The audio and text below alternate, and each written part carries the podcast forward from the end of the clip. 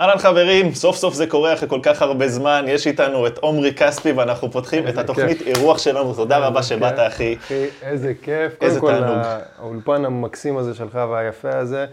וגם אני חייב להגיד לך, תשמע, קודם כל, כל הכבוד על כל, ה... על כל מה שאתה עושה. זה לא מובן מאליו בכלל, רבה, איך. שהתחלת ואיך שאתה, אתה יודע, זה רק הוכחה ש... שעבודה קשה וההשקעה שאתה נותן, זה, זה, פשוט, אה, זה פשוט מדהים לראות, ואני גאה בך, אחי, ועבדנו יחד, ואני כל כך אוהב אותך, ואני באמת. שמח להתארח פה בפעם הראשונה, אז יאללה. איזה כיף, איזה כיף. כיף. כן, לא יכולתי להתחיל עם מישהו אחר.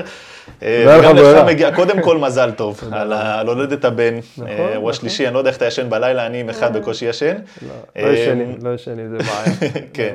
המטרה שלי, אני אגיד לך תכלס, אני הגעתי כאן עם איזושהי אג'נדה לבוא ולתת איזשהו סיפור שהצופים בבית, מי שצופה עכשיו בפרק הזה, יקבל איזשהו מושג אחרי שהוא צופה בו, איך זה להיות שחקן NBA, באמת, קצת מאחורי הקלעים. אתה מבין, מעבר, דיברת עד היום המון על גולדן סטייט, על המשחק שהיה לך, על על לשחק עם כל הכוכבים, אבל אני רוצה קצת את האינפוטים בפנים, את כל הדברים בדרך, את כל הקשיים, אחרי טריידים, עברת כמה פעמים בטרייד, אה, יאללה. שלוש, לא? כן, כן, כן. כן, אז אני רוצה באמת ל- ל- להיכנס לעובי הקורה, אבל לפני שאנחנו נצלול לשם, יש לי שאלה אחת ששאלו אותי לא מעט פעמים, ואני רוצה לשאול אותך, להפנות אותה אליך. יאללה.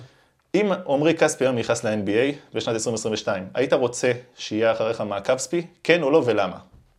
בטח שכן. אה, בסוף, אתה יודע, בסוף כשאתה ספורטאי, אתה, אתה רוצה להגיע למקום הזה ש, זה, זה, שעוקבים אחריך ו, ובוחנים אותך. כי, כי אם לא, אז בעצם מה, אתה יודע, אתה, אז אתה, אתה לא ברמה הזאת וזה לא מעניין אף אחד. אז ברמת העיקרון, אז ברור שכן, אין ספק שיחד עם זה מגיע אחריות גדולה ולחץ ו, וציפייה וכן הלאה. מצד שני, אבל כשאנחנו משחקים את הספורט, זה כמו שחקן שרוצה להגיע לאולימפיאדה מבחינתי, ואז אז כל המדינה מסתכלת עליו, כן. וטוב שכך. כן, כי מצד שני, אבל מבחינת הלחץ, כאילו, הרבה פעמים אמרו לי, אולי זה נותן, שם יותר מדי לחץ, יותר מדי אור זרקורים על כל מהלך, על כל דבר שאתה עושה. תקשיב, שחקן NBA בסוף, הוא, זה ידוע היום, וכשאני התחלתי ב-2009, זה לא היה ככה כמו היום, אתה יודע, ש, שהטלוויזיה והפייסבוק והאינסטגרם ו, וכל מה שקורה מסביב זה. והיום אתה רואה שבסוף כל מהלך שאתה על המגרש, אתה נמדד לא רק מדי הקבוצה שלך, גם בעצמך, לכל שחקן, כשאני הייתי, היה לי את המאמן האישי שלי, ש...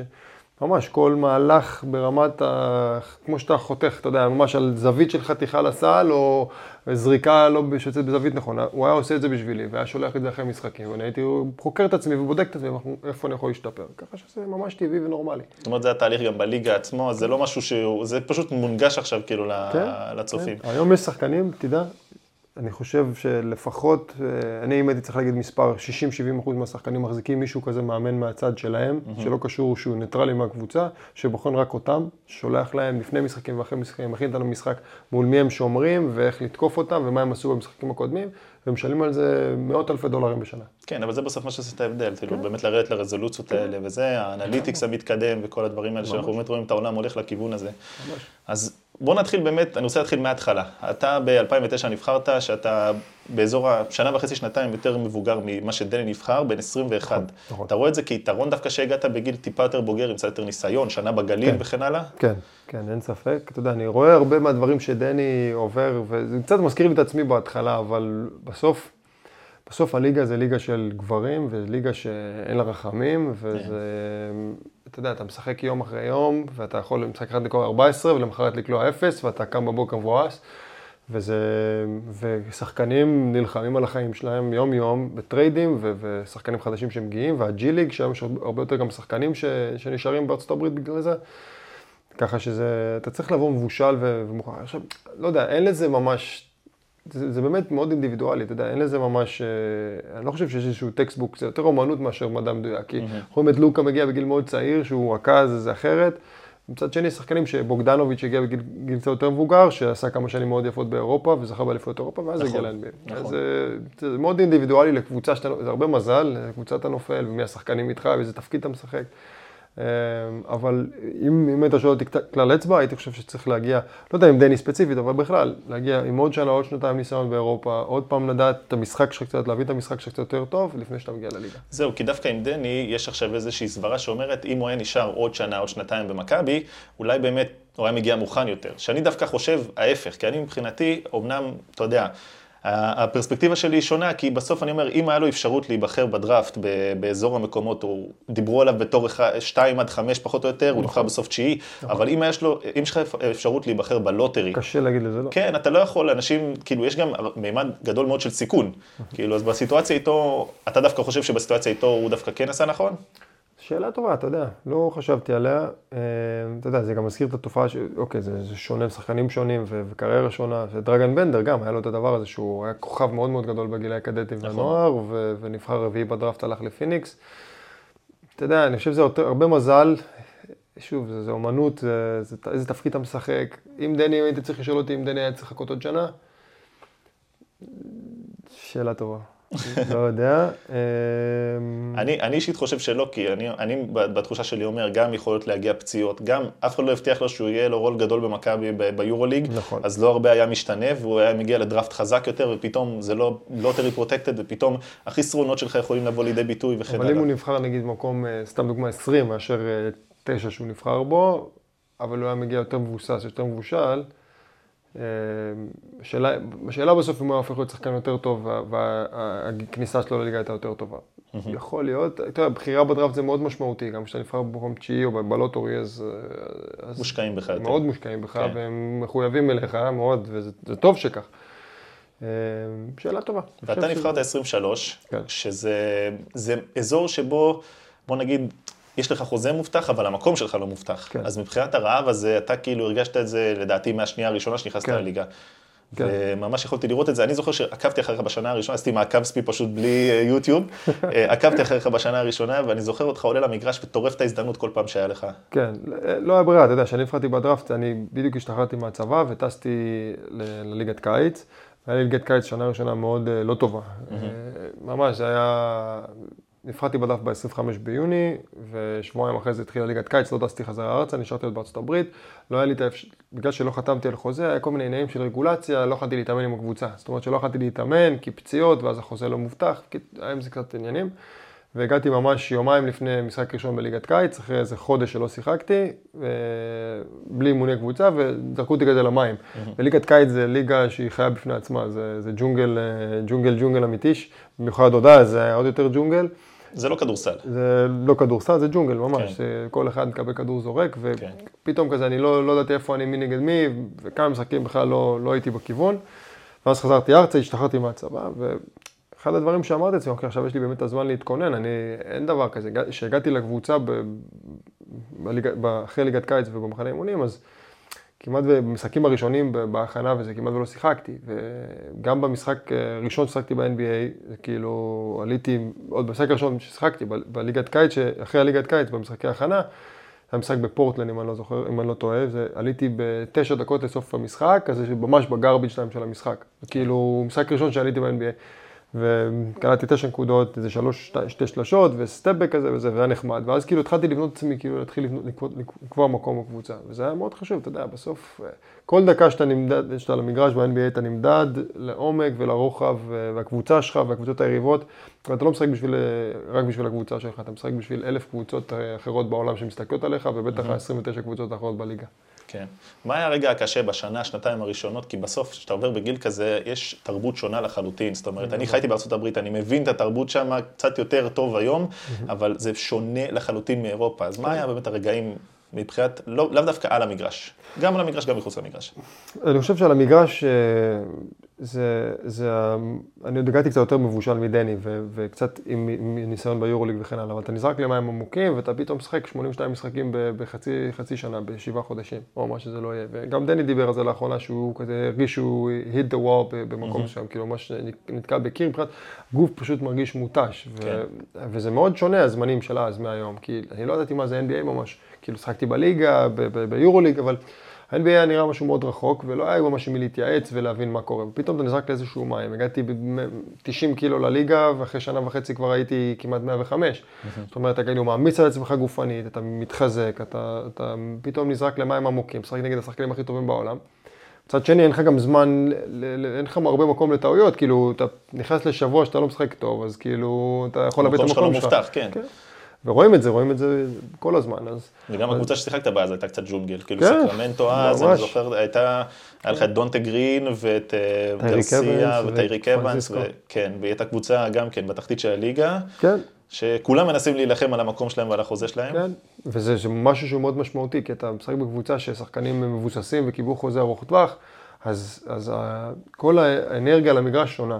כן. כי הם הרבה יותר מבוססים, הם לא מרגישים שהם חייבים שיש להם זריקה, ונגיד הזריקה שלהם פחות טובה משלך, אבל נגיד היא איפה שהיא קרובה, אז הם יזרקו. כן. אבל בקבוצות מבוססות, כשאתה רואה את זה, בטח קבוצות שרוצות לשחק כדורסל אירופאי, אז, אז הוא ייתן לך את האקסטרה פס לפינה ואתה תזרוק אותה. נכון. אה, וזה משמעותי, אז אתה נלחם על, ה, על, החי, על, ה, באמת על עצם, עצם המציאות שלך. כן, שזה זה גם נושא שאני רוצה לגעת איתך אחרי זה, באמת על כל העניין הזה של ההשפעה של המאמן, של, ה, כן. של הקבוצה וכל מה שקורה מסביב, וגם של הסופרסטאר, כי הסופרסטאר בסופו של דבר מכתיב לא פחות מהמאמן על המגרש, ממש. אבל משם אתה עובר לקליבלנד, שזה, אני לפי מה שאני מכיר ב-NBA, אומרים שברגע שאתה חותם על החוזה המקצועני הראשון שלך מעבר לחוזה ה rookie, או שאתה עובר בטרייד, אז מתחיל עניין הביזנס. נכון. זאת אומרת, אתה עובר באמת לקליבלנד, ושם זה כן. כאפה. זה כאפה אמיתית, זה, זה חמישה שישה חודשים של חורף קשה, בטח בשלב העונה, מאמצע אוקטובר עד אה, אפריל לא רואים שמש. אה, קבוצה קשה, מאמן קשוח, אה, אני לא אשכח, היינו במשחק חוץ, שזה היה בסן, במילווקי, וטסנו back to back והשחקנו נגד דטרויט, הפסדנו במילווקי, המאמן היה עצבני, היה מרץ, אנחנו כאילו, אתה יודע, כמעט לקראת סוף העונה, חודש וחצי לפני סוף העונה, מאמן קורא לנו לאימון בוקר בדטרויט. עכשיו, זה back to back, כמעט זה די חוק ידוע כזה שאין אין אימון בוקר, כי צחקת עד 11-12 כן. בלילה, טסת, הגעת ב-2 לפנות בוקר, עכשיו אין אימון בוקר. מגיעים לאימון בוקר בדטרויט, פיזיותרפיסטים וכולם, ואנחנו רואים את הפיזיותרפיסטים הולכים עם, עם התיקים הגדולים של האימונים. אני אומר כאילו, מה, שוט אראונד, אז בדרך כלל באימון מגיע שוט אז? כן, אנחנו כאילו קצת גרביים, קצת זורקים, קצת כן. מלחמים, עושים בטיחות, ובאים לתקון למשחק הערב. המאמן מגיע לאולם, חבר'ה, חבישות לכולם. עכשיו כולם מסתכלים אחד על השני, כאילו, אתה יודע, what the, what the hell, מה, מה קורה? חובשים את הרגליים, שעה וחצי אימון, ספרינטים, הגנה, shell defense, מה לא, דברים משוגעים. וכועס, עצבני וזה, מגיעים בערב למשחק, חטפנו שם טריחה רצינית, היינו, אתה יודע, היה תוצאה איזה 100 להם, 50 לנו. איך. אפשר, מה, אנשים, כן. זה... היה מאוד מאוד קשה. אבל הנקודה שלך, כי זה ממש מתחיל לביזנס, כי כשאתה, כש, כמו שאמרת קודם, כשקבוצה בוחרת בך היא מאוד מושקעת בך וחשוב. עכשיו, כשאתה עובר בטרייד, אז אתה כבר לא השחקן, הילד שנבחר בדראפט, שכולם אוהבים, שהקהל מתחבר אליו מגיל אפס, ואז, אה, ואז הוא מתחיל באמת הרבה יותר קשה. אתה לא משחק, אתה יכול לעבור תקופות שאתה לא משחק, אתה צריך לעבוד לבד. בגלל זה תמיד אמרתי לדני, גם כשדיברתי איתו, כאילו, לא משנה מה, אתה יודע, אתה תשאר even killed, תשאר סבבה, תחייך לכולם, תעבוד, מסתכלים עליך מבחוץ, חשוב, אתה יודע, גם אם זה לא ייגמר הכי טוב בוושינגטון, אבל מאוד חשוב ש, אה, שהוא יעשה את המקסימום כדי שזה יהיה שם טוב. אני מקווה כן. בעזרת השם שיהיה שם שינויים, וכמו שתמיד, אתה יודע, שצריך להיות, אבל הוא צריך לסיים יפה, כי בסוף, אתה. יודע, מסתכלים על הכל, וכמו שאתה אומר, מודדים אותך גם בתור בן אדם. אז אני זוכר שדיברנו באיזה פעם אחת, ואמרת לי, מאוד מודדים אותך בתור בן אדם, איך אתה על המגרש, מחוץ למגרש, זה יותר כטימייט. חשוב מהכל לפעמים. כן, כי, לשחק כדורסל כולם יודעים ב-NBA, אין אף אחד שעולה למגרש ולא יודע לשחק כדורסל, אבל השאלה באמת איך אתה מסת- מסתנכרן עם שאר השחקנים ואיך אתה באמת מסתדר איתם. ממש ככה. ורואים את זה, אגב, אתה יודע, לנו היה דה מרקוס, או שחקנים אחרים, אז, אז כל הדינמיקה הייתה שונה בתוך הקבוצה בעקבות שחקן כזה או אחר. אז, אז אתה יודע, אז, אז השאלה אם אתה מעדיף, בוא נגיד שני שחקנים הם יחסית דומים. שחקן אחד שהוא bad locker room guy, והוא קצת יותר טוב משחקן אחר שהוא locker room guy מצוין, והוא מביא אנרגיה טובה וכן הלאה. קבוצות, 99.9% מהפעמים יעדיפו את הבחור הטוב ב locker room, שיביא דברים, ורואים את זה גם לאורך שנים, יש שחקנים בליגה, אנטוני טוליבר, אה, האח של ג'רו הולידיי, ג'סטין הולידיי וכן הלאה, שהם שנים בליגה, והם לא... ג'רד דדלי, ג'רד שמשחק דדלי. כבר, הוא מקבל כבר איזה. חמש שנים חוזה כן, בלי בן אדם לשחק. עושה 15 שנה בליגה, כן. והוא לא, לא הכוכב הכי גדול. אגב, גם אני באיזשהו מקום, עשיתי חדר טוב, חדר, אה, חדר הלבשה טוב.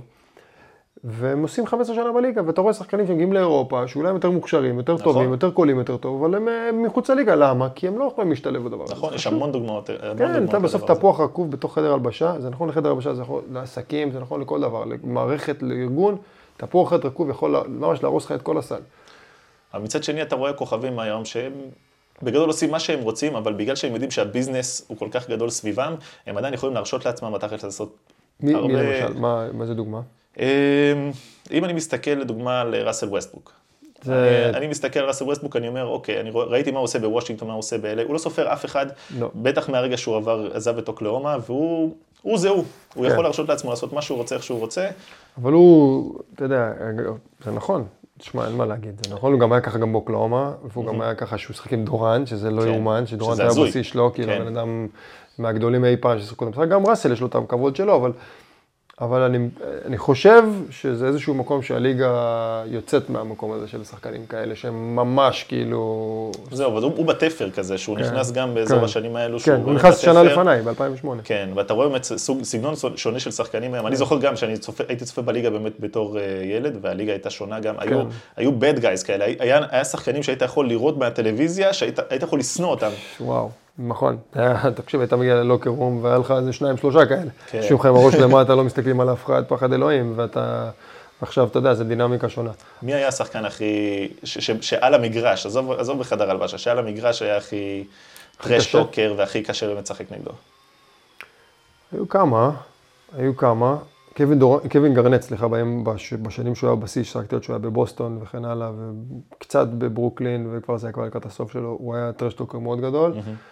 שחקן שהיה מאוד uh, דומיננטי על המגרש, ומאוד קשה לשחק איתו, להבין אותו, לשחק נגדו, זה דה מרקוס.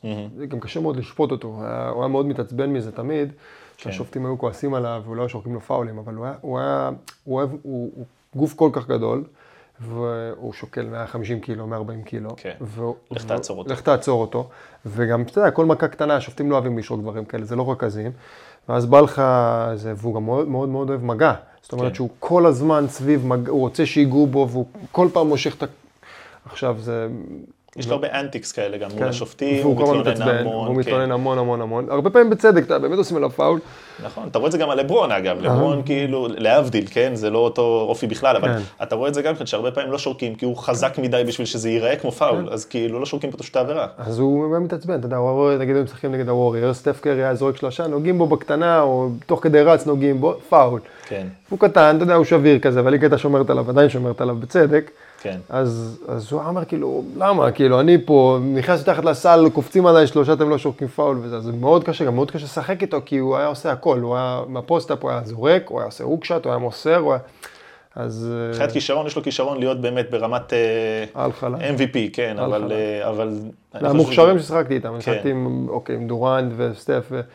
אתה מרקוס הוא, מבחינתי הוא, מבחינת כישרון, הייתה לכם חברות טובה, נכון? כן, כן, עד היום, עד היום. כן, מבחינת כישרון נטו, אני חושב שהוא הוא ברמה הזאת, באמת, הוא... ותראה איזה פספוס, הוא עד היום עובר כרגע בין קבוצות בשביל כן. אה, חוזה מינימום שהוא יכול להיות בקלות שחקן שאם הוא היה מבחינת האופי שלו יותר טוב, יותר נעים, הוא היה שחקן של חוזה מקסימום כל שנה לאורך אה, הוא המון דוגמה שנים. קלאסית, בדיוק לנקודה שאמרת קודם, הוא דוגמה קלאסית, האם אתה בחור חדר הלבשה טוב, ואיך אתה מתנהל בחדר הלבשה עם כולם, והמנהיגות שלך והרצון הזה. מרקוס, אין ספק שהוא הוא לא שחקן של מינימום, הבן אדם עושה, כן. גם עכשיו שהוא משחק נגד דנבר, בדנבר, 9 נקודות 8 ריבאונד ב-12 דקות. נכון. זה מטורף בן אדם הזה, כאילו... נכון, נכון, הוא גם שיחק בקליפרס שנה שעברה וגם כן, בפלייאוף נכנס כן. ועושה בשמונה דקות, עשר עשר 15 נקודות פתאום, ו- וחותכים אותו. למה? כן. כי זה בדיוק הנקודה הזאת, שהוא צריך כי הוא מביא איתו איזשהו מטען כן. יחד עם זה. אם הוא היה ילד טוב, סטף קרי, הוא היה אתה יודע, על חוזה של 250 מיליון דולר. כן, חד משמעית. אתה, אתה מסיים בקליבלנד, אני, אני, כן. אני ממש רוצה לעשות איתך, אתה יודע, כזה, את כן, התהליך של, ה, הקריירה כזה, כדי כן. לקבל גם איזושהי פרספקטיבה. אתה, אתה, עזוב, עוד לפני שאתה מסיים בקליבלנד, אתה משחק בקליבלנד בעצם עם השנים הראשונות של קיירי, שהוא כן. שחקן אה, גם כן, שמדברים על חלק. כישרון, אין דברים כאלה. עכשיו ראיתי ציוץ, תגיד לי מה אתה חושב, שמישהו כתב, כתב את זה אה, אה, פרקינס, שקיירי הוא top 5 skilled player of all times. קשה לו להסכים עם זה, אבל אני חושב שבגלל שהוא כל כך מוכשר, אני חושב שיש שחקנים יותר פרודקטיביים ממנו מבחינת ניצחונות. זאת אומרת, הוא, הוא היה צריך, אתה רואה שהוא הוא עבר לבוסטון, יותר, אה. כשהוא עבר לבוסטון היה לו קשה להיות המספר אחד, לא כי, מספר הוא, אחד. כי הוא לוקח יותר מדי זריקות קשות, שהן לא זריקות חכמות, אתה יודע, בסוף אתה, אתה מסתכל על זה סטטיסטית, הדברים כן מתאזנים, אז כמה שתהיה מוכשר, והוא מוכשר מדהים, הוא, לא- הוא שם זריקות שאני מסתכל ואני אומר, "אה, אה, וואו, אין מה לעשות. וואו. ואני מסתכל על זה, אתה יודע, שהוא שיחק בקליבלנד, הוא שיחק עם לברון, כן. שהגיע אחרי כמה שנים שהוא היה scorer מדהים, אבל לא הוביל את הקבוצה אפילו קרוב לפלייאוף, ופתאום הוא שם לך את השלשת אה, ניצחון הזאת ב- מדהים. ב- בגמר. אני חושב שהוא number 2 הכי טוב, כאילו מספר 2 הוא wingman למספר 1, אני לא חושב שהוא number 1 חד לקבוצת אליפות. חד משמעית. כאילו לא לברון, דורנט, אה, ברמה הזאת. ובגלל זה אני גם עכשיו חושב שאם דורנט, אם דורנט בריא, הם contender־ים לחלוטין, אם. דורנט לא בריא, אני חושב שאין להם, אה, אין להם כן, case, לא, אין לא, להם case. לא, לא, לא במזרח, המזרח טוב, זה, בדיוק כן. הנקודה, כי כשאתה מסתכל על סייט, שמע, בסוף, הוא, לא יודע, חמש, חמש, הוא אחד המשחק הכי יפה שיש אולי, אתה יודע, עם כל ההטיות והפייקים והכל, אבל לא הייתי, לא הייתי מכניס אותו לפני דורנט, אה, קובי, מייקל, אוסקר רוברטסון, שהיה אדיר, כן. סטף קרי בעיניי שהוא יותר טוב ממנו, אולי פחות skilled, אבל לא, אני לא חושב שהוא, הוא עשירייה קשה להגיד 15 גם על. סטף קרי שהוא פחות skilled, כי כאילו, אתה יודע, מה שהוא עושה, היכולת שלו. לקלוע מהחצי זה משהו שלא ראו. אתה לא יודע, יאומן. אני בתור בן אדם שמאוד מאוד אנליטי ומאוד, כאילו, אתה יודע, גם בסטארט-אפים שעשיתי, חלק מהדברים שעשיתי היה כל הזמן לנתח את הנקודות על המגרש, איפה זורקים, כמה, אם זה מכדרור, אם זה מ catch and shoot, אתה יודע, יש לך סטטיסטיקה להכל, אבל כשאתה מסתכל מה סטף קרי עושה, אתה לוקח את כל הסטטיסטיקה הזאת, זורק אותה לפח, ואתה אומר, שום זה- דבר, זה משנה לך הכל, משנה לך הכל, כל תפיסת כדורסל שהייתה, כאילו, הוא פשוט מכדרר, עובר את החצי וזורק. מה יאומן הבן אדם הזה. אתה יודע, בהתחלה אני ראיתי את זה, אני אמרתי, אין מצב שזה יחזיק. כאילו, כן. בסדר, שם כמה, זה גימיק. אבל אתה אומר, בוא'נה, הוא קולע 45% לשלוש ככה. זה לא הגיוני. עכשיו גם איך זה משנה את כל הדינמיקה במגרש, אתה צריך לצאת לשמור עליו, עכשיו כל המגרש, אם הוא נגיד על רבע של חצי, חצי של חצי, הכל. עכשיו הוא הופך להיות על 65-70 אחוז של החצי, אז הכל נכון. נהיה יותר פתוח, נכון.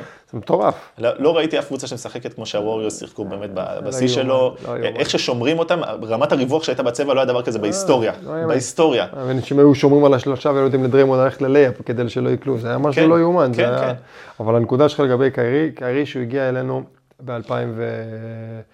זה היה בשנה של... 2011 הוא הגיע כ rookie. 2011-2012 זה היה השנה של, אה, זה אני התבלבלתי שם, כי זה היה השנה של, של השביתה. כן. השנה התחילה קצת יותר מאוחר, זה היה נכון. כזה דצמבר-ינואר אה, של, 12, של 2012.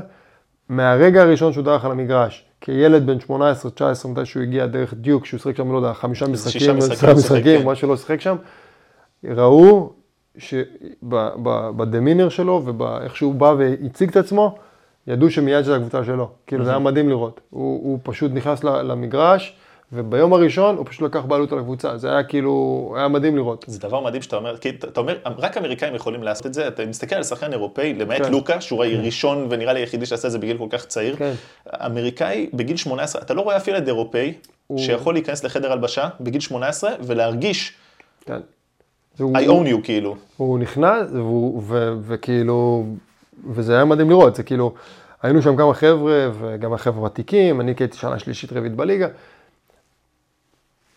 רץ בקצב שלו, ביירון סקוט מעיר לו כזה, הוא מסתכל עליו, הוא עושה לו כזה ככה, הכל טוב, התחיל המשחק חמש על חמש, טק, טק, טק, טק, טק, טק, בין הרגליים שלשות, זה זה, אתה אומר, אוקיי, יש פה משהו אחר, ומהר מאוד הוא לקח את המפתחות של הקבוצה ו- ו- ורץ קדימה, כאילו, וזה היה מדהים לראות, מדהים, זה היה, הוא פשוט לקח בעלות, זה היה מדהים לראות, אז, אז הוא, הוא בא והוא מקסים, היינו חברים מאוד טובים, עד היום אנחנו בקשר לפעמים, אבל קצת התנתקנו בגלל כל מה שקרה עם הציוצים שלו ב- על פרי פלסטיין, כן. ואחרי זה הוא הוריד את זה, או הציוצים, או האינסטגרם שהוא כתב, אז כתבתי לו, כאילו, לא יודע אם הוא הוא לא- כועס הוא לא הגיב עליי. לך חזרה?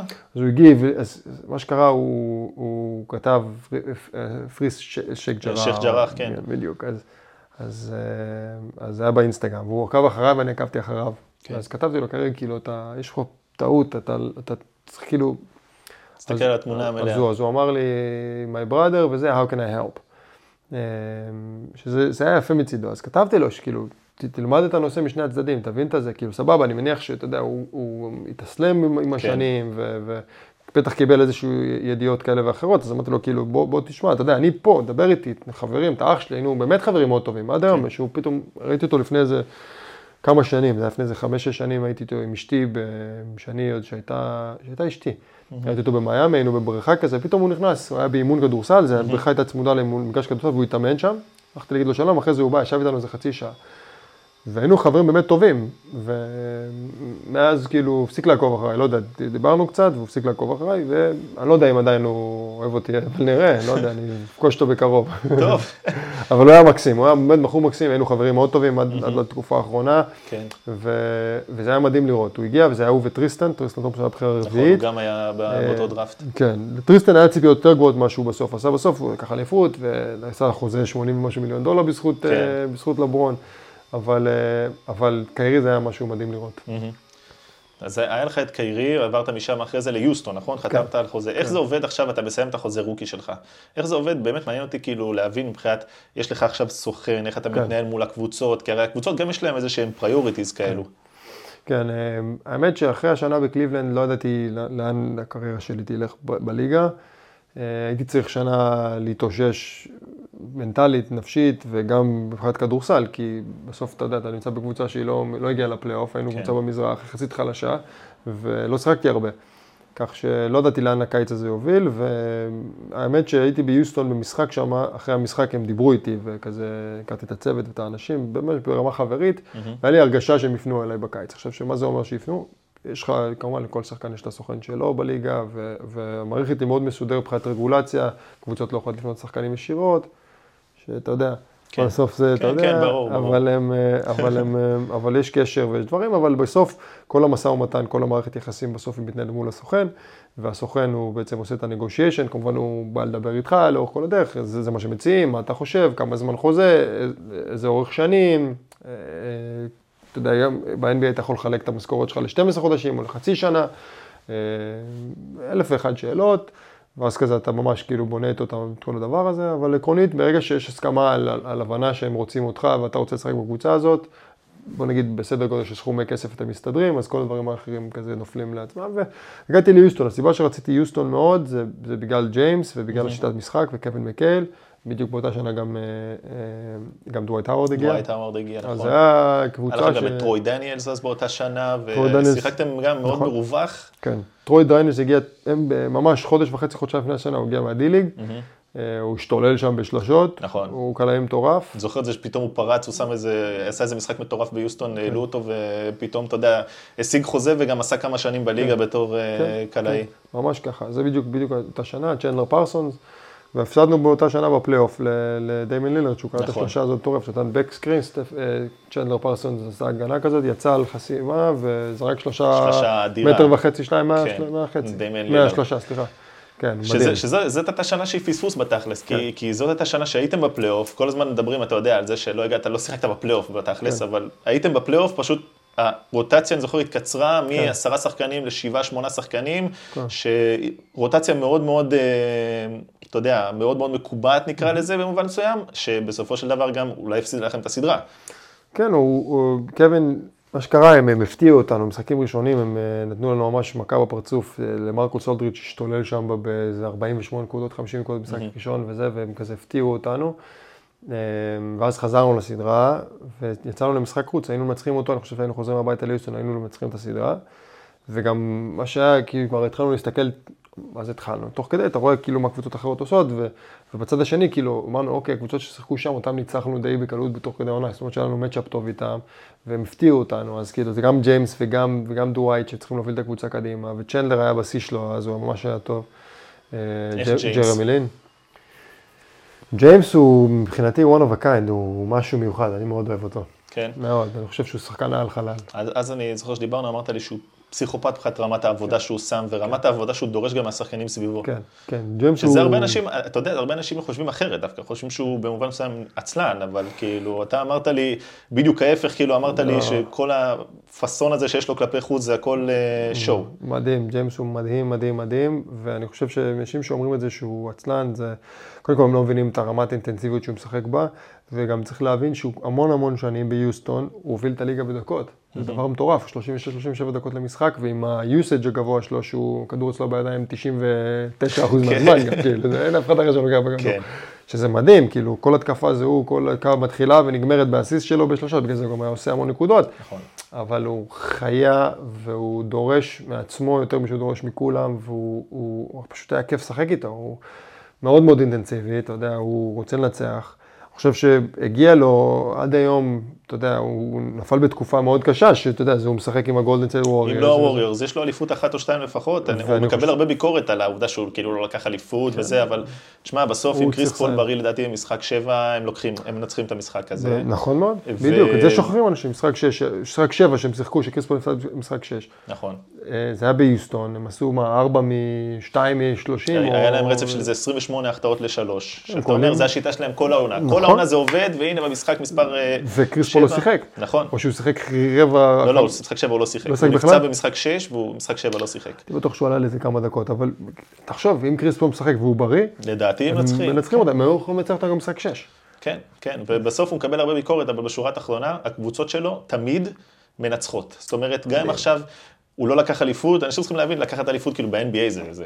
קבוצה אחת לוקחת כל שנה. זה נדיר, אחת. זה נדיר. בסוף הקבוצה שלו הייתה תחרותית, והייתה באמת הקבוצה היחידה שבאמת נתנה פייט אה, במע- במערב כל שנה ל- לגולדן סטייט. לא רק פייט ומלחמה, ומלחמה טובה, ואתה גם, אתה, צריך להתאים את עצמך למשחק הזה, והם משחקים בקצב. היום שנים ששניים, שלושה שחקני חמישייה לא היו משחקים אצלו. ואם אה, חבר'ה מהדיליג, בגלל השיטה, בגלל ג'יימס, מנצחים 20-30 הפרש, אתה אומר נכון. כאילו, איך זה קורה? זה, זה 100 אחוז הוא, זה הבן אדם שהוא מפלצת, אני מאוד אוהב אותו. עכשיו הוא ביחד עם אמביד, זה לא, לא צחוק. נכון. זה-. אתה חושב שהם אה, קונטנדרים? אני חושב שכן. תשמע, ברגע שיש לך שני שחקנים כאלה, הם תמיד חייבים להיות קונטנדרים. בטח במזרח. האם הם יגיעו, אני לא יודע, אבל הם... קשה לראות אותם מנצחים או את מיאמי או את מילווקי. ברוקלין עם דורנט בריא, גם כן קשה לראות את זה, אבל אין לדעת, אתה יודע, זה דברים ש... מילווקי. טובים מאוד. יאניס הוא underrated אפילו. יאניס מטורף. כן, הוא לא- underrated, הבן אדם הוא כן. מפלץ על חלל. הוא עושה 50 נקודות ב-17 מ-20 מהשדה, זה כאילו משהו שהוא לא? נתפס. ו-20 ריבאונדים ו-9 אסיסטים. כאילו, והתרגלו לזה, זה מרגיש כאילו זה כבר, אתה יודע, הפך להיות כזה... זה- הבן אדם underrated, והוא לקח אליפות NBA, זכה ב defensive player of the year, אם אני לא טועה, מה נכון? שהוא עשה שנה שעברה היה מטורף. תקשיב, הבן אדם זה מספרים של לברון. כן. לא, אם הוא כן. ממשיך ככה חמש-שש שנים, זה לברון ג'יימס. השאלה רק שיישאר. בריא באמת, כי הוא מפלצת גם פיזית, לא אתה הרבה יודע, שנים, זה זה סנטרים של פעם, פעם, אתה יודע, זה שחקן שהיית שם אותו בעמדת הסנטר ולך גב לסל כל התקפה, היום מדהים. הוא מוביל כדור, הוא יכול לקלוע את השלושה, גם אם לא באחוזים מדהימים, אתה יודע, 30 אחוז, הוא יכול לקלוע, כן. והוא סוחט עבירות, הוא מוסר בזמן, עושה הכל מהכל. תשמע, כשאני מסתכל על, אה, על פילדלפיה, פילדלפיה הם טובים מאוד. תשמע, זה, זה, זה one two punch רציני, זה גם הוא וגם אמביד, ויש להם סביבם חבר'ה, חבר'ה טובים. אז עכשיו השאלה, גם אם לא יעשו את זה השנה והם יעשו פלייאוף ריצה חזקה, הם... כן, שנה הבאה יכול להיות שאם מביאים את השחקנים המשלימים הנכונים, כי הם. ויתרו קצת, אתה יודע, על סת' קרי, שחקן שהוא גם היה יכול לעזור להם נכון. מאוד בריווח וזה, נכון. ויתרו על כמה שחקנים שיכולים לעזור להם, אבל שנה הבאה באמת הם יכולים להתמודד חזק. כן. משם אתה עובר לסקרמנטו חזרה, אתה חוזר בעצם לסקרמנטו, כן. שמקום שיש לך הרבה אהבה אליו בלב, ב- כאילו גם בחרו אותך בדראפט, כן. ואיך איך קורה בעצם העניין הזה, אחרי שאתם... אה, אה, היה לי משחק מאוד מאוד טוב נגדם ב-20 בינואר, אני חושב, זה היה שהיה לי איזה 20 נקודות או משהו כזה ביוסטון. ואתה יודע, כשאתה- יש לך משחק טוב נגד קבוצה מסוימת, אז הם כזה שמים אותך על הרדאר. הם כאילו זהו, כמה זה. באמת משפיע, מאוד. כי, הרי הם לא עוקבים אחרי כל- שאר המשחקים, נכון? הם לא יכולים לצפות, הם יש... יכולים לעקוב אחרי הנקודות, זהו, אוקיי, הם לא סטטיסטיקה צופים וזה, באמת בכל אבל הם לא צופים בכל משחק, ברור. אבל אז הם כאילו אומרים, אוקיי, בוא נראה שהוא משחק נגדנו, בוא נראה אותו. אז הם כן. מתנגדים על כמה שחקנים שהם אוהבים, או מישהו חדש שפתאום נותן משחק נגדם. כן, אז ברגע שהיה להם משחק טוב נגדם, ידעתי שהם ישימו אותי על הרדאר. אה, התחלנו לדבר איתם יחסית מוקדם בקיץ, ואז כזה הם התחילו. ובגדול החשיבה שלי הייתה זה שחזרתי למקום ש... זה, זה חוזר לנקודה ששאלת בהתחלה, למקום הזה ש... שהקבוצה invested בך. כן. אז העיר הכירה אותי ואהבה אותי, כשאני עזבתי שם, אני חושב ש... אם מסתכל אחורה, אתה יודע, זה היה אחרי שנה, שהיה לנו שנה מוזרה שם, ועשו עליי טרייד, אז, אז כאילו חזרתי למקום שרציתי להיות בו מאוד, ואהבתי את זה, והאנרגיה הייתה לי טובה, וזה פשוט הרגיש לי נכון. ובסוף זה גם גם- הייתה הייתה לך. גם את השנה שם עם ג'ורג' קארל, ש- כן. שהתחלת, הפכת להיות שחקן חמישייה. כן. זאת הייתה אגב שנה שהייתי בטוח שאתם בדרך לריצה באמת להגיע לפלייאוף, והייתה לך שנה באמת שפרחת שם. אז זה היה, שנת, היה שנתיים, זה היה, הגעתי שם ב-14-15, ו... ואז ג'ורג' הגיע באמצע לקראת... העונה ג'ורג' קארל הגיע. ג'ורג', בדיוק. כן. זה היה את מייק מלון, מייק מלון פוטר אחרי חוד- חודש, בלי ממש סיבה, מוב- לא ידענו בדיוק מה קורה. אה, ניסו כזה תוך כדי, ואז הביאו את ג'ורג', אה, ואז ג'ורג' היה. וכשג'ורג' היה, זה היה ממש שינוי ממש מערכתי. אה, אני חושב שג'ורג' הוא פיגורה, פיגורי כדורסל מאוד מאוד, מאוד גדולה, בטח בארצות הברית. ומאוד התחברתי איתו ברמה האישית, נהיינו חברים מאוד טובים, והוא מאוד אהב את המשחק שלי, כמובן זהו, אני חושב. שהמשחק שלך מאוד התאים לשיטה שלו. מאוד. הרבה ריצה, מעברים, כאילו, ומאוד התאים ל... כן. ל- זה היה מצחיק, זה היה דינמיקה גם מוזרה, כי כשהוא הגיע, הוא, הוא הראשון שאמר לדה מרקוס להתחיל לזרוק שלשות.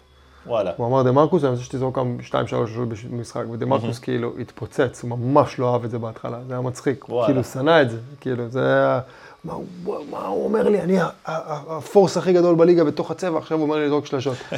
ואז דה מרקוס התחיל לזרוק שלשות, והיום הוא כאילו זורק המון שלשות. כן, תראה כאילו מדהים איזה- איך המשחק השתנה, וזה נשמע כאילו לפני 15 שנה, זה... בדיוק, זה היה פחות משבע שבע שנים, משהו כזה, כן. ו- והוא ממש ממש ממש כעס, כעס עליו, והם פשוט לא התחברו, כי היה איזושהי הרגשה לדה מרקוס, שג'ורג' מגיע באמצע העונה, וג'ורג' כאילו רוצה אותו בחוץ. כאילו, הוא אמר, צריך לה- להתחיל פה מאפס. דה מרקוס כאילו עשה את זה די דומה עם, עם, עם מלו ב- ב- נכון, בדנבר, דנבר. שהוא הביא בזמנו את גלינרי ואת כל החבר'ה, נכון. ואת מוסגוב מ- מ- מניו יורק, אז הוא אמר, בוא נעשה פה משהו דומה. ודה מרקוס מאז שהוא אמר דבר כזה, זה כאילו הוא היה בשבילו בחור כאילו כאילו מת, הוא לא התייחס אליו בכלל. זה, זה, זה הרס מאוד מאוד הדינמיקה. אז לנקודה שלך, אם היינו אמורים להגיע לפלייאוף, מאה אחוז, היינו, אם אני מסתכל אחורה, זה, זה רונדו רכז, ודארן קוליסון שהוא היה רכז נכון. בקאפ שמשחק לידו, הוא היה מדהים, ורודי גיי, ודה הייתם קבוצה מרקוס, טובה, ווילי הייתם באותה קולי-סטיין. שנה, אני זוכר. הייתם קבוצה באמת טובה שהייתה יכולה לעש- ל- ל- לדבר יפה, לא עכשיו להתמודד על אליפות, אבל היינו קבוצת פלייאוף, הייתם קבוצת קבוצת פלייאוף. היינו כן. צריכים להיות פלייאוף, ולצערי, הנקודה שדה מרקוס פשוט לא התחברו, לצערי פגע בכולנו, ואז, ואז כאילו הגיעה הנהלה חדשה, ואדי דיבאץ' לקח פיקוד, ואז הוא רצה פשוט להביא צוות שלו, ואז דה מרקוס נשאר והביאו את, אה, את, אה, את המאמן החדש. אז, אז זה מבאס, אתה יודע, אתה מסתכל אחורה, אתה אומר, הנה, 2015-2016, זו הייתה השנה הכי טובה בקריירה שלי, אולי עשיתי 12 נקודות קהל למשחק, 18, 11.8, חמישה שערי באונדים. שאגב, אם, זה, אם מדברים על עניין של מזל, אם אחרי העונה הזאת, היה לך חוזה לשנתיים. נכון. אם אחרי העונה הזאת אתה מסיים חוזה וזאת העונת חוזה שלך, אתה גם משיג חוזה שהוא כנראה סביר להניח הרבה יותר מחוזה מינימום. שזה נכון. עניין של טיימינג ומזל ב-NBA, כי שנה לאחר מכן הגיע, הגיע, אם אני זוכר נכון, דייב יגר, נכון? נכון, דייב יגר הגיע בדיוק. כן, והוא כבר משחק יותר אה, שמרני ומאוד לאט, אה, מאמן, אימן את ממפיס, מאוד אה, כן. הגנתי. ממש ככה.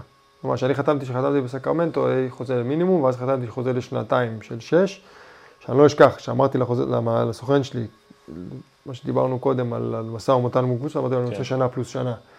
והם לא הסכימו. אמרתי לו, תן לי שנה פלוס שנה, אופציה שלי.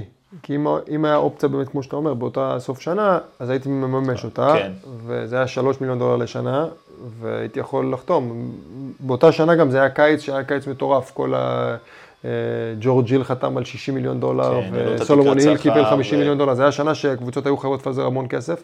אז זה היה מאוד הגיוני לעשות חוזה 4 שנים 40. זה כאילו, כן. הסתכלתי על עוד חבר'ה בליגה שעשו, עשה את זה ג'ון לויר למשל, אה, קיבל 4 שנים 40. נכון, נכון. הרבה שחקנים, ביומבו פתאום קיבל איזה חוזה של 20 מיליון לשנה, ומוזגו, ויש כן. אז אין זה בדיוק ספור היה. השנה הזאת, ולצערי כן. לא היה לי את האופציה, והגיע דייב, דייב, דייב פחות התחבר, אה, גם ברמה האישית, דייב היה, דייב היה טיפוס אה, מאוד קשה, מאוד מאוד קשה, והוא נטר, ממש נותר טינה לאנשים, והוא היה Mhm. בן אדם מאוד קשה להתנהל מולו. אה, ומאז, אתה יודע, שם זה נגמר. כן, משם בעצם עברת בטרייד. ל... עכשיו, נו. לפני שאנחנו עוברים לטרייד, השאלה שלי באמת, עכשיו אתה נכנס לחדר הלבשה, לפני שאנחנו מגיעים לגולדן סטייט ולכל העניין הזה, כי אתה עובר באמת לטרייד לניו אורלינס, ואז באמת חוסר מזל, שמשחק ראשון אתה עולה, מכה באצבע, נגד ג'יימס הארדן. כן, מכה באצבע, שובר את הבוהן ואתה בעצם נחתך. נכון. אמ, איך עובד כל התהליך הזה גם מבחינת המשפחה שלך? כאילו, אני חושב על זה, אם אני עכשיו צריך בתקופה כל כך קצרה, אני מקבל הודעה על זה שאתה, שאני עובר בטרייד, אני צריך לטוס, צריך לשחק, צריך להופיע, כן. צריך... האישה, המשפחה, הבית, הכל, איך זה עובד? זה, זה, זה, זה אחד הקטעים הכי קשים בליגה, בכלל. אז אתה יודע, מצד אחד אנשים אומרים, "תראה, אתם מרוויחים הרבה כסף, ואיזה כיף, וזה זה נכון, אבל מצד שני, אתה יכול לקבל הודעה, אשתך בהיריון חודש שישי, שישי, שביעי, אתה קורא את זה בטוויטר, אחרי עשר דקות ה general manager מתקשר, אומר לך, אתה עובר בטרייד, תודה רבה על השירותים שלך, ואתה. בשעה שש בערב, השעה עכשיו 11 בצהריים, בשש בערב אתה צריך להיות בשדה תעופה, אתה טס לניו אורלינס, ולמחרת אתה מתאמן שם, וביום אה, למחרת אתה כבר משחק משחק. ודואגים לך להכל כאילו? עקרונית כן, מה שקורה בעצם זה שהקבוצה דואגת לך לנהג לשדה תעופה, אה, אתה נוחת שם, כמובן דואגים לך להכל, ואז אתה מקבל בעצם כמעט אה, חודש, 45 יום, אה, בית מלון, על חשבון הקבוצה. שבו עד שאתה מסתדר על שאתה בית ועל על הכל. בדיוק, כן, בדיוק, ואז אתה, עכשיו זה לא נוח להישאר במלון הרבה זמן, אתה רוצה גם את הפינה שלך, את הבית, כן. אבל אה, דואגים לך לתקופה הקרובה, שאתה מגיע עם האוטו שלך, או דברים כאלה שאתה צריך. למה בכלליות דואגים לך בקבוצת NBA? אתה מגיע עכשיו לקבוצה, עזוב חוזה rookie, הגעת לקבוצה ליוסטון, חתמת כן. עכשיו על חוזה. אני דווקא לא רוצה להיכנס לגולדן סטייט, כי גולדן סטייט אה, כן, עושים זה, זה, זה אבל- עולם אחר לגמרי. כן. הגעת ליוסטון, למה דואגים לך? מה, מה, אתה- מה התפקיד שלך, מה התפקיד שלהם? עקרונית, הקבוצת NBA בכלל, בהתנהלות של קבוצות NBA והליגה עצמה לשחקנים, זה שהם נותנים לך את, החופש המלא אה, לטוב ולרע, אה, בחיים האישיים שלך. וכל מה שקשור מהרגע הזה לקבוצה, הם דואגים לך להכל, מבחינת כדורסל. זאת אומרת שאתה צריך אה, פיזיותרפיסטים, אה, משאזיסטים, אה, אוכל, דאגים, דברים של קבוצה, הם, אתה MRI, צילומים, כל מה שצריך בקטע של הקבוצה הם דואגים 100%. אתה מגיע לעולם כאילו בלי כלום. בלי כלום. אתה מגיע לעולם עם, עם הארנק והזה, הכל שלם יש לך את הציוד שלך, את הנעליים, כל שחקן יש לו עשרות זוגות של נעליים שונות, ו... ו אמ, גרביים וטייצים, ו- ושחקן שאוהב לשחק עם סליב, או כמו דני שיש לו את זה של מייקל ג'ורדן פה על כן. היד. אז ממש דואגים לך להכל, והם דואגים לך את זה מא' עד ת', אתה מסיים אימון, אתה מתקלח, כל הציוד שלך הם לוקחים, מחפשים, לוקחים לך את זה למשחק הבא, אתה מגיע לאולם, הנעליים שלך מגיעות איתך, אין לך כלום, אתה לא, אתה לא צריך לדאוג מהדברים האלה בכלל. בצד האישי, זאת וזה נכון גם אגב שאתה טס למשחק חוץ, אתה מגיע מסקרמנטו ללוס אנג'לס, מביאים אותך עד למלון, מהרגע הזה אתה, הם, הם דואגים לך, ומהרגע הזה זה האחריות היא שלך. זאת אומרת, תעשה אה, מה שאתה רוצה, איך שבא לך. תופיע לאימון, תופיע למשחק. בדיוק. אתה נבחן כשאתה מגיע לאימון, אתה נבחן כשאתה מגיע למשחק, אנחנו מצפים ממך להיות uh, מקצוען. מצד שני, אנחנו סומכים עליך שתעשה את הדברים הנכונים לך, וכל אחד בזה שלו. יש כאלה שהאישה שלהם טסה איתם, יש כאלה שלא, יש כאלה שיוצאים בערב למשחק, יש כאלה שלא, יש כאלה שטסים, אתה יודע, אה, נוסעים למשחק כדורסל של קבוצה אחרת במקום אחר, וחוזרים אחרי זה באותו ערב. ממש אתה יודע חופש שזה מוחלט. זה מדהים, כי באירופה ובישראל, באירופה כאילו דווקא עושים בדיוק ההפך, יש לך micro-management ברמה כן. הכי... רק לא מזמן היה סיפור עם שחקנים ממכבי תל אביב שיצאו אחרי משחק, אתה יודע, אחרי כן. הפסד, שהם לא שיחקו בכלל, הם הלכו לאכול וזה, והפכו את זה לסיפור תקשורתי כן. מטורף. עכשיו, בארה"ב זה כאילו הכי נהוג בעולם. כן. זה, יש לך את הביזנס של המשחק, אתה, בוא, אתה בא, אתה צריך להופיע, אתה נותן את ההופעה, ניצחת, הפסדת, יש לך את החיים האישיים שלך, מפרידים את זה נכון. לחלוטין. נכון מאוד. זה תרבות ספורט פשוט כל כך שונה, זה, זה מדהים. ממש ככה, תרבות ספורט שונה. אני מאוד מתחבר אל התרבות ספורט הזאת, כי בסוף אנחנו אנשים בוגרים, אנחנו אנשים מקצוענים וצריכים לדעת לעשות את העבודה וגם צריכים לדעת לעשות את ההפרדה. כן. זה גם נכון, אתה יודע, אתה היית הולך למשחק של הלייקרס נגד הקליפרס, וגבר ואישה, בעל ואישה, באים עם חולצה של הקליפרס והלייקרס והולכים יד ביד, כאילו נכון. באים לצפות ב- בהצגה, בספורט ברמה הכי גבוהה שיש, ומי שינצח יהיה טוב. כן, יש יריבות, אבל יריבות ספורטיבית והכל טוב, נגמר נכון. המשחק, הכל טוב. אתה יודע, לפעמים אני שומע, אתה יודע, לא רק להגיד אוהדי הפועל, אבל אוהדי ספורט, כאילו, אתה יודע, אתה מגיע למשחק, מקללים אותך, נאצי ודברים, כאילו, זה, זה, זה, זה לא נורמלי. זה פסיכוטי, אין, לא- אין, לא אין, לזה, זה. אין לזה מקום בספורט. זה, כן, אני לא- אני לא זה, מבין את זה. על מה ולמה, כאילו, אני לובש צהוב, עוד מכבי, משחק בשביל מכבי. מכבי, ראשי תיבות של מי כמוך באלים אדוני. כן. זה בסופו של דבר אה, עוד יותר אמור. הכי לייצג כאילו את ה... ברור, אה, כאילו אין בעיה, יריבות ספורטיבית זה טוב, שיהיה תחרות, שיהיה מלחמה על המגרש וזה. כן, צריך לעבור, יש גבולות מסוימים שזה לא צריך זה לעבור. יגיע לרמת קללות. אגב, גם אוהדי מכבי חוטאים בזה וזה לא בסדר, כאילו, צריך ל... אני חושב שכל אוהדי הקבוצות הגדולות כן. חוטאים בזה בארץ. אין- איזה לא מועדון אחד שהוא עושה תמים שאתה יכול להגיד. זה כבר, זה עניין תרבותי, אבל אני לאט לאט לאט, ממש לאט מרגיש שזה... מתחיל, מתחילים להיפתח לעוד כל מיני דברים, בזכות העובדה שיש את הרשת ואנשים נחשפים. נכון. זאת אומרת, אנשים היום יודעים קצת יותר על התרבות ב- בארצות הברית. אני, גם- אני גם, אתה יודע, בערוץ שלי קטונתי, אבל אני מנסה קצת להכניס איזשהו משהו, מימד קצת אחר של... ככה. של להראות את התמונה המלאה, ולא רק להיכנס כי, על, על ניתוחים אה, שטחיים. שאתה יודע, יש עוד הרבה עבודה והרבה לאן לשאוף, אבל טיפה בים כל פעם, ואתה בסוף. אה, מצליח לייצר איזשהו שינוי קטן. מאה אחוז, ורואים את זה ומרגישים את זה, ואני מסכים איתך. אני חושב שזה ממש ככה, זה גם קשור בתרבות ספורט שלנו, ובתרבות ספורט שלנו מבחינת, הרבה גם זה קשור בעיתונאים, ואלה שמסקרים את זה, וזה משמעותי, זה משפיע בסוף, זה, זה פועל יוצא של, כן. של אותה תרבות, וזה רואים את זה בשטח גם. ואז אתה מגיע לגולדן סטייט. אה, שזה, כן. ברגע שראיתי אותך חותם בגולדן סטייט, אמרתי, קלאסי. כאילו, ראיתי את זה, אני זוכר שהתרגשתי באותו יום, אמרתי, זה כאילו התאמה פיקס, כי זה התאמה שהם צריכים, role player שבדיוק עושה את החיתוכים בזמן, עושה את העבודה ש, שיכול לעלות מהספסל לחמש דקות, ויכול לשחק את השלושים דקות עכשיו שדורנט לא משחק. כן. תספר, אני רוצה את הסיפורים דווקא, לא מה שסיפרת עד היום, לא המשחק של השלשות ולא הדברים האלו. אני רוצה את הסיפורים דווקא מחדר הלבשה. זאת אומרת, אתה נכנס עכשיו לחדר ההלבשה בגולדן סטייט בקבוצה כזאת או אחרת. יש איזשהו דיסטנס בין הכוכבים, או שזה עדיין איזושהי מקשה אחת? איך זה עובד? כי הרי כולם אינדיבידואלים שם, כמו שאתה אומר, בסופו של דבר? כן, כולם אינדיבידואליים, יש, אה, לא יודע אם דיסטנס, אבל יש הילה מסוימת סביב הכוכבים. אין, אין, אין אה, אתה יודע, סטף קרי מגיע לחדר, ו, ו, או קווין דורנט או קליי, שכל אחד מהם שונה מאוד באופי שלו, והתנהלות שלהם שונה מאוד בתוך הקבוצה, אז יש איזשהו, אין מה לעשות, בסוף כולם מבינים לאן הם הגיעו ומי מי, כן. מי באמת, על, על, פי, על, על פיו של מי יש דבר בקבוצה הזאת, אבל מצד שני, מה שכן היה שם שהוא מאוד שונה, שהחדר הלבשה היה מאוד שונה בהוויה שלו מבחינת השיח בחדר הלבשה, על מה דיברו, מה עניין אותם, איזה... דיברו על אה, סטארט-אפים ודיברו על השקעות, דיברו על פוליטיקה, וזה היה באמת פעם ראשונה שנחשפתי לזה ב, ב, ב, בסדר גודל הזה, שממש הם היו מאוד מעורבים בכל מה שקורה. Mm-hmm. מאוד מעורבים בכל מה שקורה בסן פרנסיסקו ובכל ה tech industry. באותה שנה הם דיברו על הנושא הזה שהם לא רוצים לנסוע לבית הלבן בגלל טראמפ. Mm-hmm. אה, אתה יודע, ששאלו אותי, ותמיד אומרים לי, איך אתה אמרת שאתה לא רוצה לנסוע, ואם אני חוזר לאותו, היה לנו שיחת קבוצה בבוקר של המשחק, של, ה, של אותה, זה, כשקבוצה ישבה ורצתה להחליט אם רוצים לנסוע לבית הלבן. כן. אני לא הייתי חלק מקבוצה שזכתה באליפות, זה, זה היה השיח של הקבוצה. אה, והם החליטו בסוף שלא. הבעלים בא דיבר כמה מילים, סטיב קר דיבר כמה מילים, כל אחד נתן את החוות דעת שלו, הבעלים אמר בזמנו, אני, אני זוכר נכון, שהוא... חושב שכן צריך לנסוע, שצריך לנסוע, ואם אתם חושבים שיש אה, איזשהו אה, פער בין, ביניכם לבין לבינו, אז אפשר לגשר את זה על ידי שיח, mm-hmm. ולא דרך רמה. אם אתם כן. רוצים, בואו נשב בבית הלבן, נגיד לו שאנחנו באים ואנחנו רוצים לעשות שיחה סגורה בדלתיים סגורות, ובואו נדבר איתו. Mm-hmm. שחקנים לא חשבו ככה, והם אמרו, תקשיב, אנחנו מרגישים שהוא אה, ממש פוגע בקהילה שלנו וכן הלאה, אז הוא יוצר divide. כאילו ממש הפרדה. ב... חבל, כי אני מסכים דווקא עם העניין הזה, שדווקא החרמה זה לא, לא, לא הדרך. אני אה, גם חושב. אז, אז, אז כשנגמר האימון, אה, שלחו אותי להתראיין בתקשורת, וזה בדיוק היה תוך כדי העונה, או לפני העונה. אז אמרו לי, האם הקבוצה רוצה לנסוע? אז אמרתי, תקשיבו, הם החליטו שלא רוצים לנסוע, כי הם מרגישים שזה, שזה עושה, שהוא עושה divide בתוך המדינה, והם החליטו לא לנסוע. עכשיו, אני אין לי קשר בכלל זה, כי אני לא זכיתי באותה, באותה כן. שנה באליפות בכלל. ויצאה כותרת, כאילו אני אמרתי שטראמפ עושה divide, שאחרי זה גם ניסיתי להעביר את זה בשיחות, שזה לא נכון, אני, לא היה לי שום קשר לא לפה לפה. וגם... נוראי איך אפשר להוציא דברים מהקשרם כן. בתקשורת, כאילו בצורה מאוד מאוד קלה.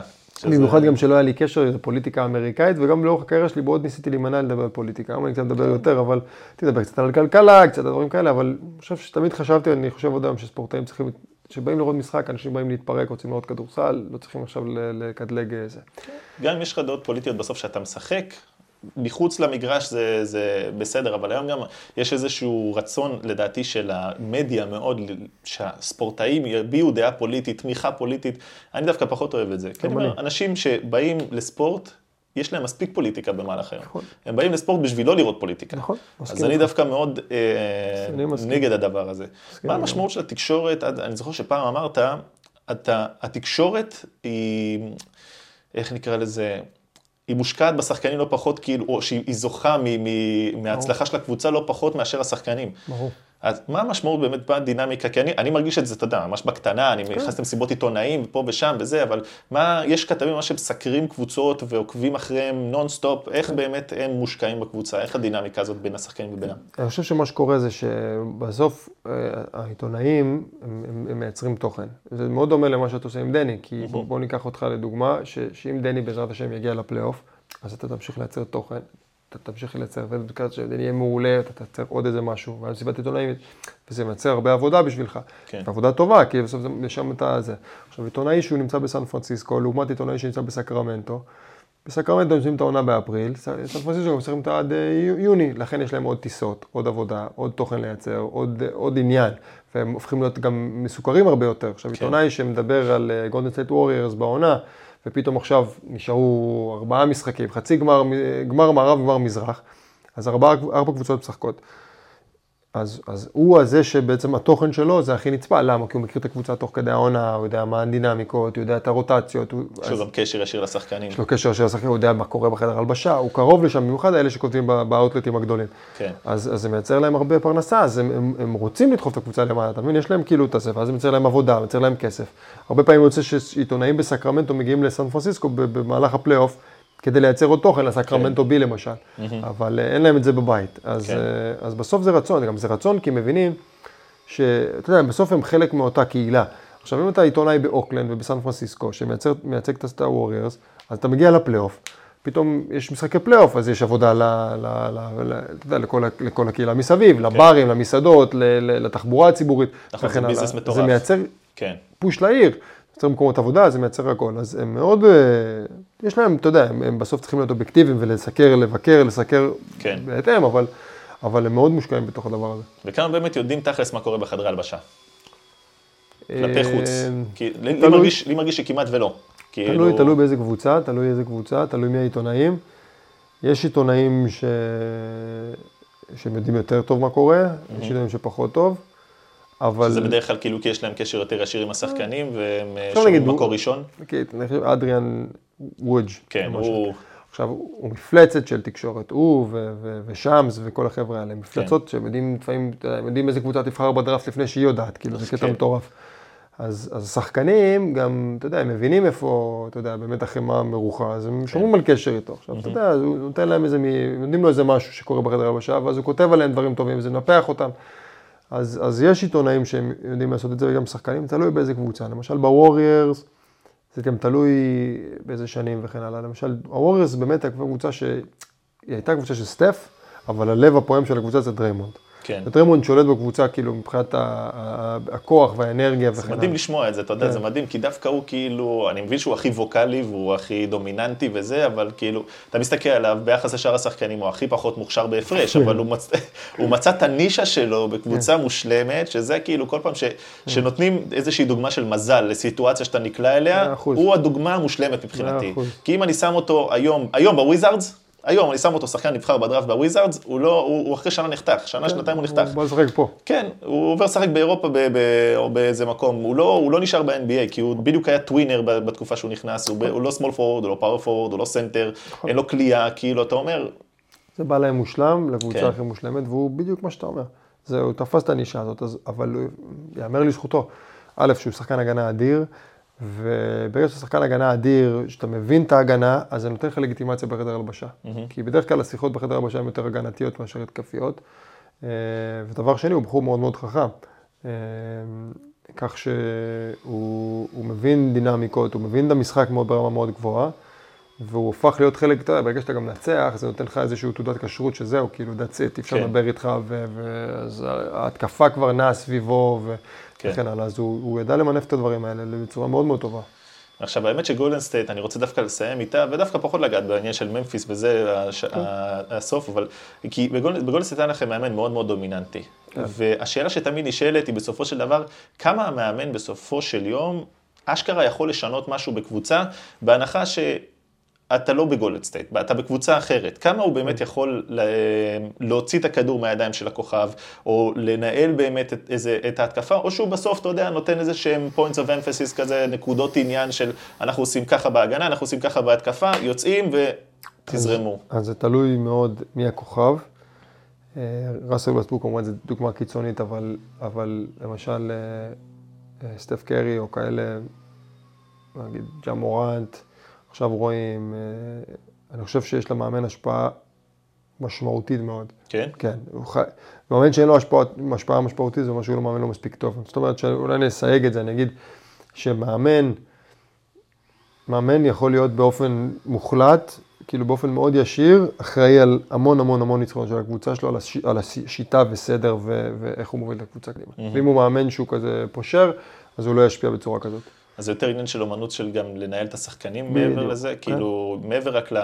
כן. כאילו להיכנס ללב שלהם. אז אתה אומר, כמו כמו שאמרת, נגיד ג'ורג' קארל ו- כן, וקזינס, הם לא- איבדו אחד את השני, ושם כאילו נוצר, נוצר מצב שקבוצה שיכלה להגיע לפלייאוף, איבדה לא את. את המקום הזה בגלל שהוא איבד את האמון בכוכב. כן, אבל אם אני מסתכל על מאמנים טובים בליגה, אוקיי, זה ברד סטיבן שהיום הוא general manager, זה, זה, זה פופ, זה, זה סטיב קר, זה, זה זה מרגיש. לי שבליגה יש קבוצות מנצחות משני סוגים. אחד זה או שחקן שהוא כמו מאמן על המגרש יחד עם מאמן טוב, כמו קריס פול או לברון ג'יימס לדוגמה, מדהים. או, או מאמן שבאמת הוא, איזושהי פיגורה, או באמת קבוצות על שאתה אומר, אוקיי, טוב, לא משנה איזה מאמן יהיה שם, כן. יש לך שחקנים מספיק דומיננטיים. היום, שים כל מאמן עם ג'יימס ארדן, תן לג'יימס ארדן את הכדור, בהתקפה הוא ידע מה לעשות. הוא ידע, הוא, הוא גם ידע להגיד למאמן מה הוא רוצה שיעשה. בדיוק? ידע, הוא ידע, זה שחקנים שהם אה, מאמנים על המגרש לא פחות מאשר המאמנים עצמם. ממש. בטח בחלק ההתקפי, אז אתה יודע, כשמסתכל על קריס פול, לברון ג'יימס, אה, אה, ג'יימס, איך שהם מנהלים את המשחק עצמם בתור שחקנים על המגרש, זה זה אומנות. ממש. אבל, אבל, אז אתה מסתכל אחרי זה, ואז אתה רואה קבוצות כמו וושינגטון, לא יודע, המאמן החדש עכשיו מנסה לעשות, אתה יודע, זה גם זורקים אותו למים עמוקים, פתאום קבוצה חדשה זה לא פשוט, אבל וושינגטון וסקרמנטו, ויש קבוצות שהמון שנים, דטרויד ככה מתקשים וזה, לעומת זאת אתה רואה את כן. טורונטו, שיש מאמן טוב, הם בונים כבר משהו חדש, הם חבר'ה צעירים מוכשרים, ו... ו- שיש תרבות טובה. תרבות טובה, מיאמי. זה- מיאמי, ספולסטור מאמן מצוין, אתה יודע, כן, אתה ספולסטור- רואה אותם השנה עם שחקנים שהם כאילו אנונימיים, אתה רואה גייב וינסנט ושחקנים כן. שכאילו אף אחד לא הכיר אותם לפני כן, כן. ועדיין הם נכנסים והשיטה השיטה נכונה, הקבוצה בריאה והם... ממש. רואים את זה, וזה מש. משמעותי. אני חושב גם זה משמעותי באירופה. אני לא יודע אם ניגע בזה, אבל במכבי, שאני הגעתי למכבי, ועכשיו פיטרו את, את יאניס, אבל בסוף אתה בונה קבוצה, ואם השחקנים לא מכבדים את המאמן, ואין שיטה ודרך, אתה יכול להביא את השחקנים הכי טובים בר- ברמה האירופאית, זה לא יספיק. כי אתה תצטרך את המאמן הזה שיעשה את ההתאמות ואת החילופים כן. ואת השינויים ואת הזה, וזה מאוד משמעותי. אז אני מקווה שמכבי יביאו מאמן, אתה יודע. איך זה היה הכאפה הזאת לחזור ל- לאירופה? זה היה כאפה מהרבה בחינות, אה, מה- בטח מהבחינה של כל ההתנהלות מסביב, אתה יודע, אתה אחרי הרבה שנים מתרגל לאיזשהו סטנדרט של NBA וזה, למרות שמכבי ב- ברמה הזאת באמת עשתה את אתה יודע, זה הדבר הכי, אולי, באירופה יש אולי קצת קבוצות, צ'סקה וברצלונה מתנהלות כמו קבוצות NBA כמעט לחלוטין. אני לא יודע אם אנשים יודעים, אבל הן טסות במטוס פרטי למשחקים. הם, הם, הם משלמים להם כל שבועיים כמו קבוצת NBA, זה ממש קבוצת NBA לכל דבר. תוצאות בהתאם. כן, אין, אין יש ספק, אתה כסף. גדול שם. כסף גדול, כן. ואתה רואה למה כל, אתה יודע, חמש, שש קבוצות המובילות מבחינת תקציב ביורוליג, הם כל שנה כמעט מגיעות נכון. להצלבה ולפיינל פור בדי התאמה, מדי פעם יש קבוצה חדשה שנכנסת, אבל צ'סקה, ברצלונה, ריאל מדריד, הם תמיד, הנדולו, תמיד נמצאים כמעט בטופ, בצדק, הן משקיעות גם את הכסף, אבל הן מתנהלות מאוד, אז מכבי כן מתנהלת ככה, אה, משתדלת להתנהל ברמה הזאת. אה, מבחינת הכדורסל זה דווקא היה, אתה יודע, במשחקים הראשונים וזה, הייתי צריך קצת לחזור לכושר אחרי פציעה וזה, אבל ברמת הכדורסל הרגשתי נוח, כי זה היה די דומה למשחקים ביורוליג, ש- במכבי, סליחה, ששחקתי, למשחקים של הנבחרת. כאילו, זה כן. כן. המשחק האירופאי, והשיטה של יאניס הייתה שיטה, אה, אה, לקבוצה של אז הייתה שיטה מאוד טובה, כי, כי היה את אריק בלק שהוא היה חוסם גדול, ו- ואוטלו שהוא היה שומר מעולה, והם עוד היו שנתיים שלוש צעירים ממה שהם היום. כן. אמ, ובסוף, אתה יודע, זה, זה הרגיש לי נוח. זה, היה הרבה דברים שהיו יכולים לעשות אחרת, אני גם מסתכל אחורה, אבל מעבר לזה, אני חושב שזה היה, היה נוח. מה אתה מסתכל אחרת על הקריירה ואתה אומר, וואלה, זה משהו ש... נגעת בפציעות. כי כן. הפציעות, אתה יודע, בסוף זה חלק, אה, בעיקר מה, מה, מהחלק הסופי של הקריירה, זה משהו שכן ליווה אותך וכן, כן. אה, אני מניח שהעיק עליך גם מבחינה מנטלית. כן. איך, איך באמת לקחת את זה, ואם יש משהו שבאמת, לא יודע, לא יכול להגיד מצטער עליו, אלא יותר אה, כואב לך ש, שלא הספקת בגלל, או לא הצלחת בגלל. כן, אין ספק, תשמע, אמ, מצד אחד אני אתחיל תמיד אומר, וכאילו, אתה יודע, אני לקחתי את הטוב שבא לי בקריירה עם, עם הדברים הפחות טובים, ואין ספק שפציעה זה, זה דברים שהם פחות טובים. תמיד הסתכלתי על זה גם מתקודת מבט אובייקטיבית, שאמרתי כאילו, האם עשיתי את מה שאני יכול כדי להיות בריא וטוב, ו, ופציעה זה חלק ממה שקורה, ותמיד, כאילו, כמעט תמיד, התשובה הייתה כן. אני לא יודע אם תמיד לא חשבתי על זה אף פעם, אבל כמעט תמיד שכן. דיברת על ניו אורלינס, טסתי לניו אורלינס, משחק ראשון, אני עושה strip לכדור ואני תופס את האצבע ואני כאילו כן. אומר משהו קרה לי באצבע ואני מגיע ל X-ray מאחורי הקלעים ושובר את ה- hairline fracture, כאילו שבר באצבע. משחק ראשון שהגעתי הייתי, לא יודע, 12 נקודות, 14 נקודות במשחק הראשון והרגשתי טוב, זו גם קבוצה שהתאימה לי, אלווין ג'נטרי וריצה נכון. וכן הלאה. ווריורס, עשירי למרץ, לא יודע, נגד סקרמנטו באורקל ארינה. קופץ לריבאונד או עושה סל, ב... עושה סל, זה היה שש כן, נקודות כאלה. סקרמנטו, מול אני חושב שזה סקרמנטו. היה, נוחת לא, לא כן. טוב, ממש לפני הפלייאוף זה היה. חודש לפני הפלייאוף, אתה בחוץ, מזל. ואתה בקבוצה שעם סטף קרי ו- ודורנט וחבר'ה שבאותה שנה גם זכינו באליפות. אז כן, אז אתה אומר כאילו, פה באירופה, שאם אני מסתכל על השנה הקודמת שהיה לנו עם כל ההפסקות של, ה- של הקורונה, אה, עם יאניס והקבוצה שהיינו עם טריק וכן הלאה, אם הייתי בריא ולא הפציעה בברך, אז, אז גם, אני חושב שהיינו יכולים לעשות דברים מאוד יפים. כן. אז זה חלק מהחיים, אבל אתה יודע, זה כן, באמת... אה, חשוב מאוד שאתה לוקח את זה כן, בצורה בצורה טובה. לעשות. אני חושב שהגוף שלי לא היה, אתה יודע, אני מסתכל על שחקנים אחרים, על יאניס ועל לברון, אוקיי, אלה הם באמת במפלצות גופניות ברמה אחרת. רמת העומס ומה שהם עושים מבחינת המגרש, וג'יימס ארדן, הגוף שלו היה עומד בזה, הוא לא כן, יכול לעמוד בזה. ל- זה גם מזל. לעמוד בכזה עומס ולשחק כל כך פיזי, זה skill לא פחות מכל skill אחר. כן, כאילו, לשחק מטורף. 82 משחקים בעונה, לא חולה. לברון, מה שהוא עושה לאורך השנים זה משהו שהוא לא אנושי, כאילו, לשחק ולהיות בריא כל כך אדם הרבה. בן 37-8, משחק עכשיו עם שיער לבן בזקן, והוא משחק כאילו בן 18. כן. מטורף. כי, כי אתה יודע, כי בסוף זוכרים הרבה פעמים את הסוף של הקריירה, אבל בששת העונות, שבע, שבע, שבע העונות הראשונות, אתה כן שיחקת את רוב המשחקים, 70 ומשחקים, כן. כאילו, אתה כן היית לאורך רוב העונה לפחות אה, בריא למעט דברים קטנים, ובסוף זה עניין של חוסר מזל באמת שלנו. כן, כן, ממש ככה. עכשיו ממש היום אתה עובר לשלב הבא, סיימנו, ככה כן. סגרנו את הקריירה, עברת לשלב הבא, היום אתה יודע, יש אה, את כל עולם העסקים שאתה באמת אה, כן. מתנהל בו ובאמת עושה דברים מדהימים. לי יצא קצת, אתה יודע. לשמוע קצת ובאמת לחוות.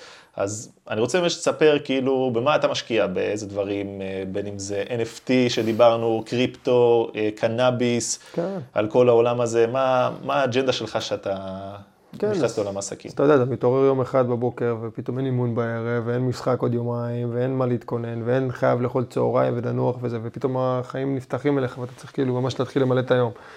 אז לשמחתי, התחלתי קצת לאורך השנים האחרונות, לפני סוף הקריירה, קצת לבנות את עצמי, ולעשות פודקאסט זה דבר אחד מהם שאני אני עדיין מאוד מאוד נהנה לעשות, ומצלם, ומארח, ו- ופעם בשבוע מעלה ס- פרק. אה, ועולם ההשקעות זה עולם שתמיד עניין אותי, כי מצד אחד יש לי, יש גישה לעסקאות ולדברים מעניינים פה בישראל, בגלל קשרים שבניתי לאורך השנים, גם פה וגם באמריקה. המון, בישראל יש כל כך הרבה אפשרויות. ובישראל זה באמת מדינה מדהימה מהעולם הזה, באמת, אין, אין, לזה אח ורע בעולם, וברמה שתל אביב וישראל עברה כאילו את, את הסיליקון וואלי, כאילו מבחינת פר קפיטל לחברות סטארט-אפ, ליוניקורנס וכן הלאה. שזה באמת מדהים, וזה מדהים להיות חלק מקהילה כזאת. פה בישראל זה הבית, אז אני גישה אז. אז עולם הקנאביס עניין אותי מאוד ב, לפני 3-4 שנים עוד שהייתי באמריקה, בתקופה האחרונה קצת פחות, אבל אני בהחלט עדיין מאוד מעורב בחברות שאני שם. עולם הקריפטו והווב שלוש קוראים לזה, נקרא לזה במרכאות. כן.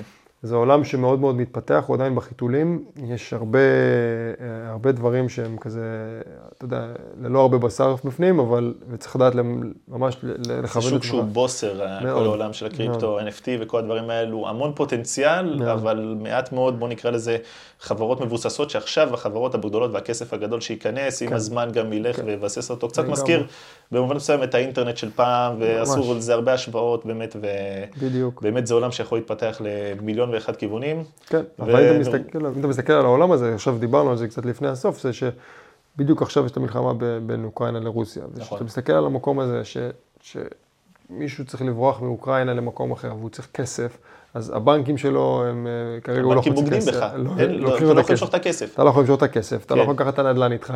והקריפטו נותן לך איזושהי גישה לכסף שאין לאף אחד שליטה עליו. יש לך את נכון. הארנק שלך, אתה יכול להיות באוקראינה, אתה יכול להיות בישראל, אתה יכול להיות בסין, יש לך נכון. את הגישה לארנק שלך.